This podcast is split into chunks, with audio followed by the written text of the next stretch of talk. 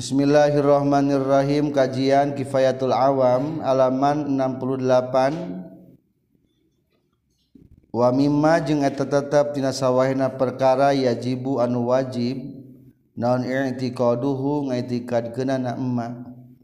Annallaha ta'ala kana saestuna Allah ta'ala. Yajuzu eta hukumna wenang. Naon ayyura yang ditingali Allah fil akhirati di akhirat lil mukminina pikeun jalma-jalma anu mukmin li annallaha ta'ala karena saestuna Allah ta'ala allaqa eta geus nyantelkeun Allah ar-ru'yata kana bisa ningali ka Allah ala istiqraril jabali kana tumetepna gunung. Fi qaulihi ta'ala dawuhan Allah ta'ala. Fa in istaqarra makanahu fasawfa tarani. Fa in istaqarra maka lamun tumattap itu jabal makanahu na tempatna itu jabal fasawfa tara maka bakal ningali anjeun ka kami. Wastiqrarul jabali jeung ari tumetepna gunung jaizun eta hukumna jaiz. Jaizul wujud. Atau fayakunu maka kabuktian naon al-mu'allaq nu dicantilkeun alih kana itu istiqrarul jabal minar ru'yati nyatana tina ningali ka Allah jaizan eta hukumna wenang. Li annal mu'allaqa alal jaiz jaizun. Li annal mu'allaqa karna saytun cantilkeun alal jaizi kana anu wenang jaizun eta hukumna wenang. Lakin ru'yatuna tetapi ari ningalina urang sadaya lahu ka Allah taala bila kaifin eta kalawan tanpa kumaha. Tapi daya istilah jika kumaha daya kade. Aila isa tegas nama hente itu ru'yatin tun ru'yatina karu'yati ba'dina seperti ningalina sawareh urang sadaya ba'dona kasawarehna deui. falayuro ta'ala. Maka mual ditingali Allah ta'ala fi jihatin dina jihad. Wala bilaunin jeung mual ditingali kalawan aya warna. Wala yuro jeung mual ditingali Allah ta'ala jisman baina berbentuk jisim. Ari jisim teh anu cicing dinahi hiaz jadi lamun partikel anuletik. Baik jirimah partikel terkecil itu bisa dibagi naon sebatna? Jirim berarti butuh karena hias dia. Atau lamun dua bisa dibagi partikelna. Teh tadi naon sebatna? J jisim. Tanazzaha maha bersih Allah taala Allah taala. Anzalika tina anu kabeh tina jihad tina laon sareng jisim. Uluan kalawan mahluhur kabiron tur maha agung. Wanafa jeung geus ngeuweuhkeun arru'yata kana ningali lillahi ta'ala ka Allah ta'ala saha al-mutazilah tu golongan mu'tazilah. Qabbaha muga ngagorengkeun hum ka itu mu'tazilah saha Allah ta'ala Allah ta'ala. wahia sarang Ari itu nafyur ru'yah ngeuweuhkeun ningali ka Allah min aqaidihim eta tina pirang-pirang itikadna mu'tazilah. Azzaigoti anu lacut al batilati anu batil.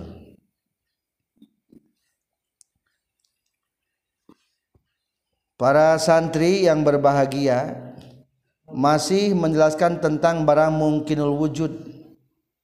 Maka di dia dicantumkan itikad gen ke orang bahwa hukumna ningali orang ke Allah engke di surga di akhirat hukum nang kumaha?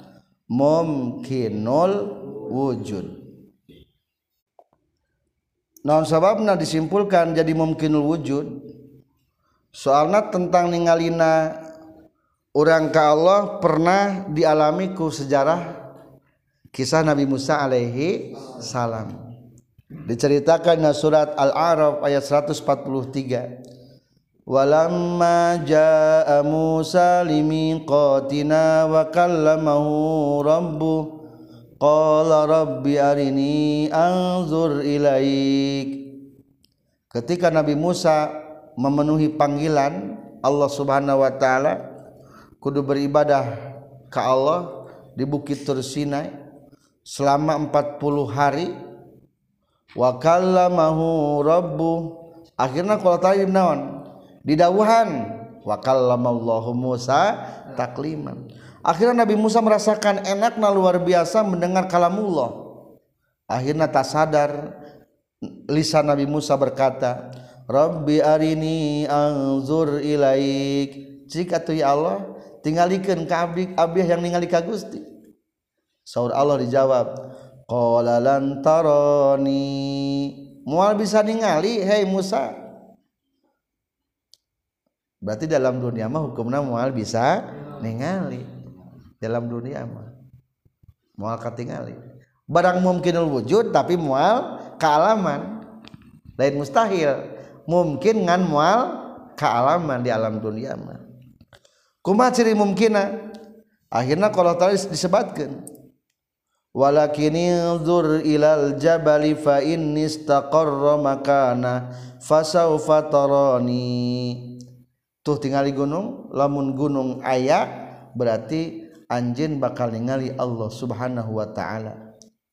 Falamma tajalla rabbuhu lil jabali ja'alahu dakka barang reret direret eta gunung ngadak-kadak daka ancur lebur eueuh.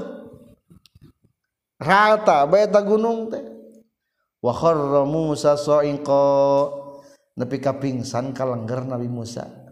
Ningali gunung geus teu aya. Akhirna barang falamma afaqa. Ketika Nabi Musa sudah sembuh deui ingat deui Subhanaka tubtu ilaika wa ana awwalul mu'minin. Maha suci Gusti. Abdi tobat ka Gusti. Rek dikumaha kumaha memang abdi teh umpama telepat teh nampi kana kelepatan abdi. Tapi abdi ge kieu-kieu teh saha pangheulana jalmi anu mu'min.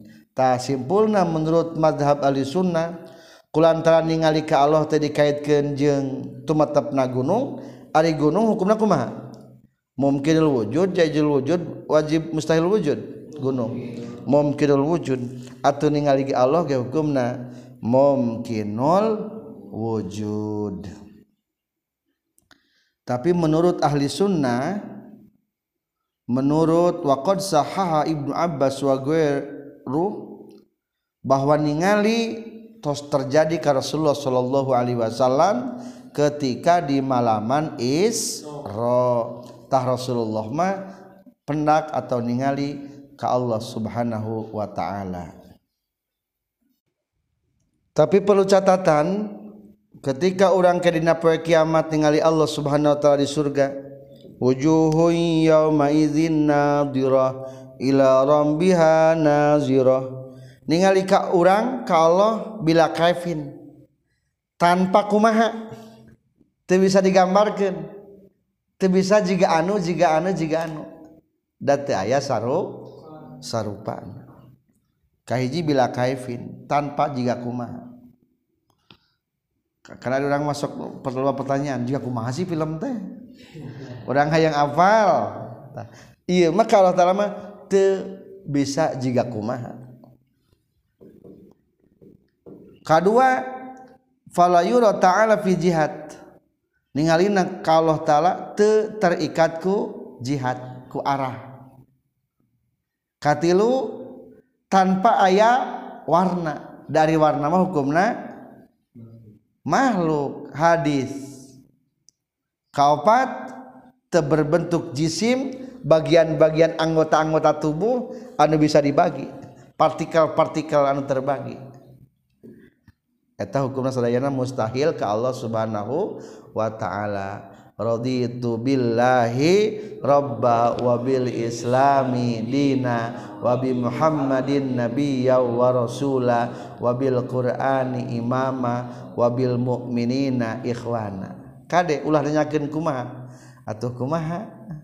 Tak cek tadi ge teu meunang aya pertanyaan kumaha? Ka Allah taala gege ku Allah taala bakal ditinggalikan bakal dipasihan ningali kadat Allah subhanahu wa taala. Ngan ayeuna mah sementara mah kitu bae heula. Nu aya di makhluk teu bisa diterapkeun ka Allah subhanahu wa taala. Kan urang mau lepas tina warnanya. Jurig kumaha? Gabung keuleuh kideung cenah teingnya teing bohong eta teh. Malaikat. Dibenterkutukan cahaya. Orang biasa digambarkan dengan cahaya. Ayah warna itu.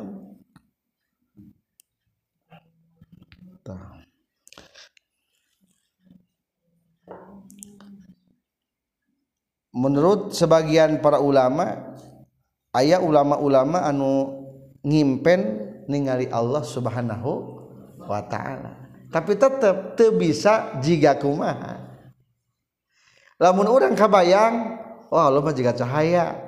Oh salah berarti tambah lain ngimpi. Nu bener tambah ti saha? Ti setan kade. Ti setan eta bila kaifin Allah subhanahu wa ta'ala itu bisa di taya sarupana laisa kamis lihi syai'u wa huwas samiul basir itulah di antara barang anu mungkin.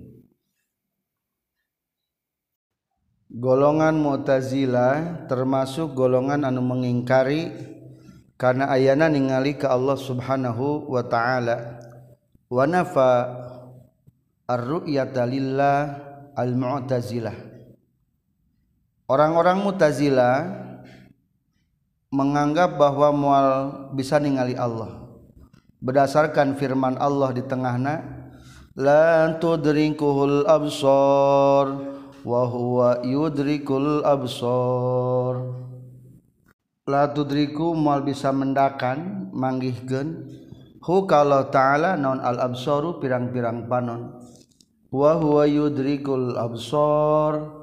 Sareng ari Allah eta mendakan kana pirang-pirang panon. Wa huwal latiful khabir Al-an'am 100 tilu tentang ia ayat maka ahli sunnah wal jamaah menjawab dengan beberapa jawaban.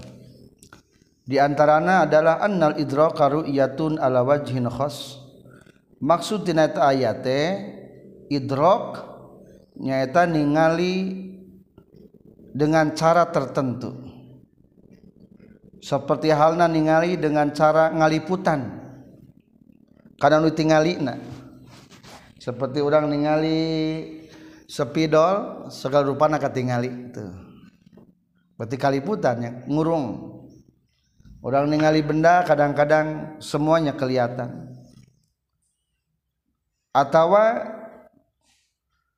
wa minha annahu mahmulun ala dunia maksud eta ayat la tudrikul absor wa yudrikul absor mual bisa ningali ka Allah taala mun di alam dun dunia. Anapun di akhirat mah tetap dikembalikan karena ayat wujuhu yauma izin nadhirah ila rabbiha nazirah satrasna deui aya deui itikad mu'tazilah anu menyimpang.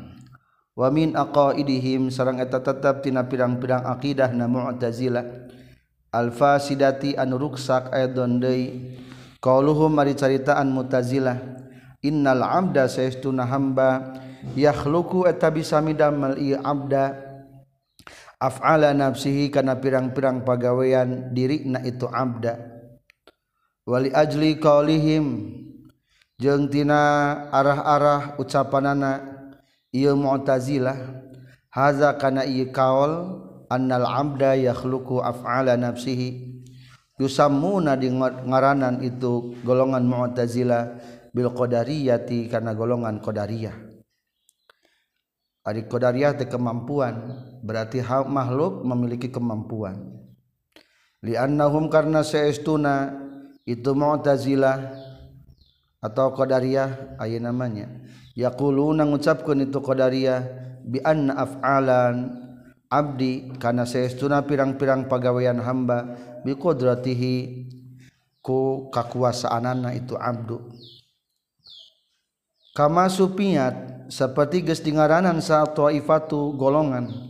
Alqailuna nu ngucapkeun bi annal abda kana saestuna hamba majburun eta anu dipaksa al-af'ali kana pirang-pirang pagawean allati anu yaf'alu anu midamel itu si abda ha kana lati. Bil jabariyati ku jabarna Allah. Jabar teh ku maksana Allah. Nisbatun eta ngahubungkeun ila qalihim kana ucapan itu taifah. bijabril abdi kana dipaksana hamba wa qahrihi jeung kana dipaksana i abda. Wahia jeung ari itu aqidah aqidatun eta aqidah zaigotun anu lacut aidon deui. Wal haqqu jeung ari numutkeun kaul anu bener annal abda kana saestuna hamba la yakhluqu wa tatanyiptakeun abda af'ala nafsihi kana pirang-pirang pagawean dirina abda. walaisa jeung henteu ieu abda majburon eta dipaksa. Bal innallaha ta'ala balik tasaytuna Allah ta'ala. Yaf'a yakhluqu eta nyiptakeun Allah al af'ala kana pirang-pirang pagawean as-sadirata anu timbul minal abdi ti hambana. Ma'a kaunil abdi sarta kabuktian hamba lahu eta tetepikeun ieu abda. Ikhtiarun ari aya pilihan. Fiha dina itu af'al. Qala nyaurkeun sa'a sa'du Syekh Sa'an fi syarhil aqaid nasarah kitab aqaid. Wa hadzal ikhtiaru sareng ari ieu ikhtiar pilihan. La yumkinu eta teu kongang naon ayu ambaru yang dibahasakeun ieu hadal ikhtiar. Ayu ambaru yang dibahasakeun naon anhu tina ieu hadal ikhtiar ibaratun kehiji bahasa. Bali saksu balik tari jalma. Ya jidu eta mendakan itu sahos bena harkati yadihi antara usik leungeun ieu si abdu. Iza harroka di mana-mana ngusikeun ieu si abdu ha kana harkata yadihi. Iza harroka di mana-mana ngusikeun ha kana ieu harkata yadihi saha huwa ieu si abdu. Wa bainama antara perkara Iza harroka di mana-mana musiken hakan itu harkat yadihi naon al-hawa angin. Kohron bainanu maksa anhu tisi amdu parkon karena beda. Para pelajar dina ieu pembicaraan ayat tilu pendapat. Satu anu bener nyata pendapat anu terakhir. Kahiji aya pendapat mu'tazila.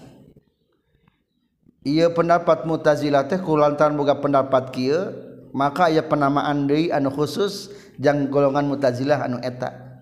Disebut na paham koda qadariyah ari paham qadariyah teh atasna kemampuan. Berarti jalma memiliki kemampuan dengan sendiri nak lah ada jeng goreng makuma urang we. Maka diantara perkucapan teh gitu annal abda yakhluqu af'ala nafsihi.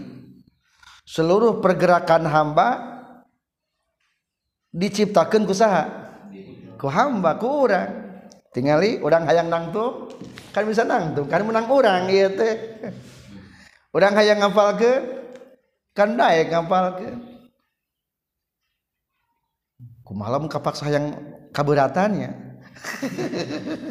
Sebenarnya mata pendapat lemah kene. Salah eta buktina. Ada orang nembung ada beteng musialah yang kaberatan so dipaksa berarti ada gitu mah. Ternyata iya paham kodariatnya salah ku gitu ge. Jantan sebetulnya majalma henteu sepenuhna bisa dikendalikan ke sorangan. Ari palbah yang kaberatan mah anger we. Daek keur tunuh-tunuh ge nyaring keur hoream-hoream ge.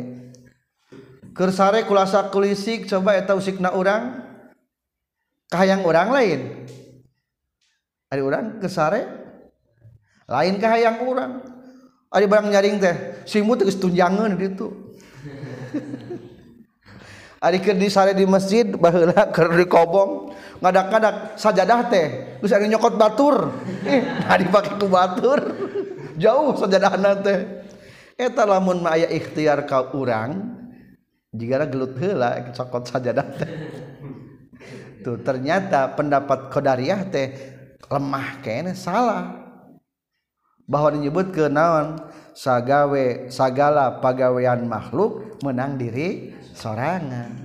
Tapi ternyata fakta bukti ayat mengendalikan orang nyata dat Allah subhanahu wa ta'ala. Maka itu pendapat qadariyah hukumna salah. Menyebutkan kumaha cenah? Sakabeh pagawean makhluk menang makhluk. Cek orang nama orang mah kumaha orang tak salah. Anu kedua berarti nun nembe mah disebutna qadariyah kama sumia ta'ifa alqailun nabi annal abda majburun. Aya di pendapat anu tadi mah kumaha cek urang? Ayeuna mah kumaha cek Allah. Salah kene? Yuh urang mah kumaha cek Allah. Lamun Allah kunang teu celaka mah pasti cilaka. Berarti urang mah teu boga daya upaya.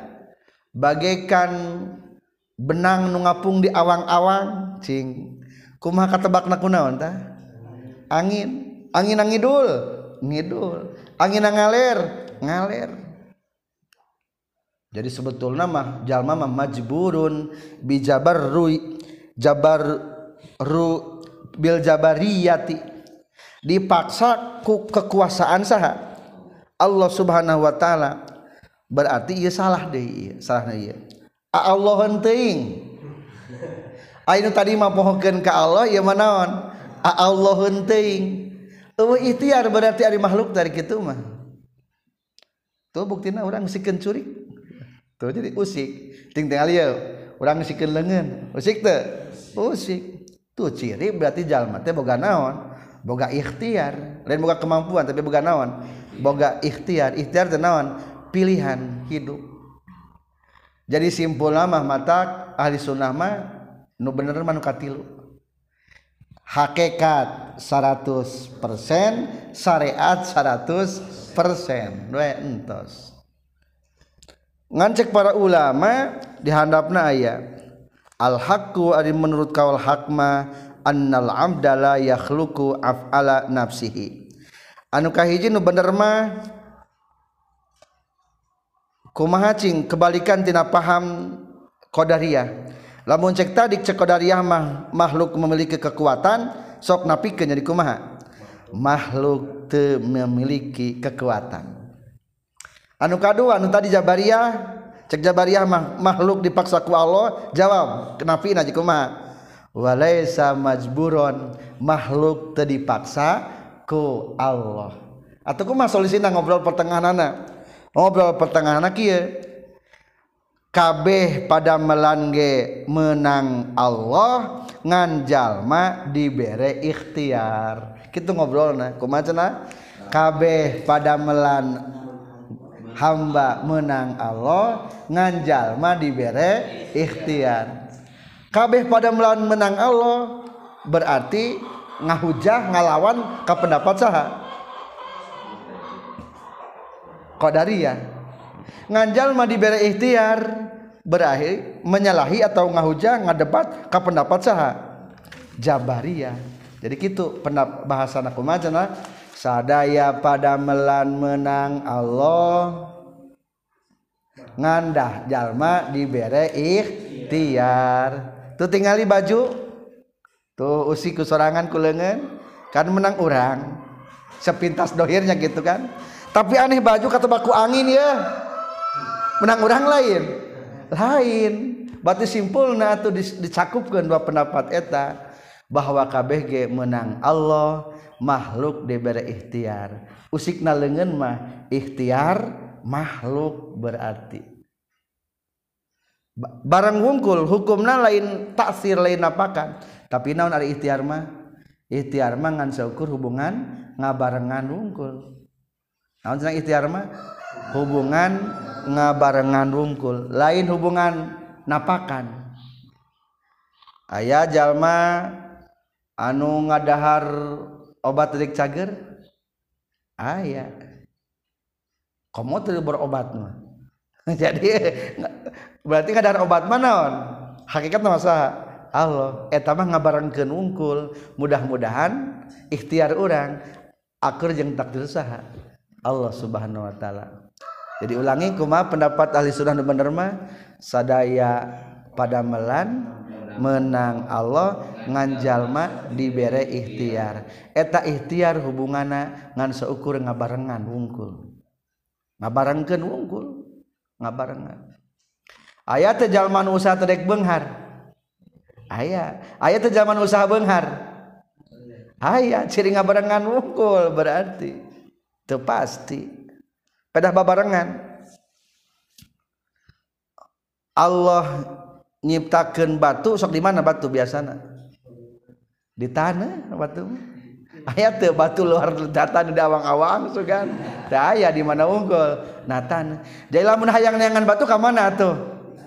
Kana tanah. Tapi pertanyaan ari batu na menangin tanah lain? Lain. Ngan ku Allah dibarengkeun di dinya nyimpenna batu. Lamun hayang lauk ka mana? Kuduna lumpatna ka balong bisa menang udah kita ka laut dengan lauk mah ka laut. Lamun ka gunung niang lauk menang wal. Da tadi barang keuni dinya. Ikhtiarna salah. Salah. Ku Allah dibarengkeun ayana lauk disimpan di laut. Pertanyaanna ari lauk menang nyieun laut lain? Sanes. sanes. Air cepil air di danaon? Dina wajah pangambung air di mana dina wajah pertanyaan ari celi jeung pangambung menangin wajah lain? Lain. Eta mah dibarengkeun dina wajah unggul aya nu wajahan aya wajahan eueuh cepilan. Cerengeta wajah buku. wajah. Aya celi eueuh wajahan. Celi katel. Eueuh wajahan itulah pendapat ahli sunnah. Ia pendapat ahli sunnah digambarkan dengan Al-Quran. Di tengahna ayat fa kharaja min baini farsin wa jamil labanan khalisa saigha khalisan sa'ighal lisyaribin wa inna lakum fil an'ami la'ibrah surat an-nahl ayat 66 dina hewan-hewan teh aya suatu ibrah. Picontoeun bahan tapuk tapakuraneun naon sababna? Dina jero beuteung hewan-hewan teh Dina onta Ina sapi. Ayat tilu urat nu padeukeut. Ngan aneh nu hiji mah urat teh jero naon? Darah. Nu hiji deui mah urat teh susu. Nu tengah mah nu hiji deui mah kotoran. Dina sapi gini. Eta urat teh padeukeut. Nu hiji mah ka mana? Darah. Jangan dikeun darah. Hukumna kumaha? Najis. Ainu hiji mah pergi ka mana? Eta urat. Keluar ka tukang parsin kotoran. Hukumna naon tah? Najis. Tapi aya deui hiji urat anu istimewa, urat naon tah? Labanan khaliso. Urat susu cenah. urat anu mengandung susu eta. Tah anu eta mah matak seger. Saighal lisaribin. Matak seger jang nu nginumna Rek diinum, rek dikenyot, seger aku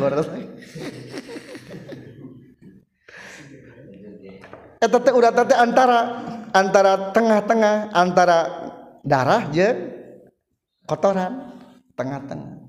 Berarti maksudnya pendapat ahli sunnah tengah-tengah. Tekana Qadariyah tekana Jabariyah. Maka kuma tadi bahasana sadaya ciptaan. Pada melan makhluk menang Allah berarti eta mah ngadebat ka qadariah ngan jalma boga dibere naon? Ikhtiar. Tah berarti urat anu eta anu matak ngabedakeun antara golongan qadariyah jeung golongan jabariyah sebelum eta ayat wa zahiru anna madhhab ahli sunnah laisa bil ikhtiyaril mahdi pendapat ahli sunnah mah lain ngandalkan ikhtiar meles 100% wala bil qahril mahdi bukan ngandalkan masalah dipaksa 100% bal amroeni balik tak mengambil kedua-duana. Mata cek orang nama ikhtiar 100% terus tawak hakikat 100% ulangi hakikat 100% syariat 100% itulah pendapat di antara anu membedakan yang pendapat mutazilah. Juga diperkuat ke pendapat qadariyah serang jabariyah. Alhamdulillahirabbil alamin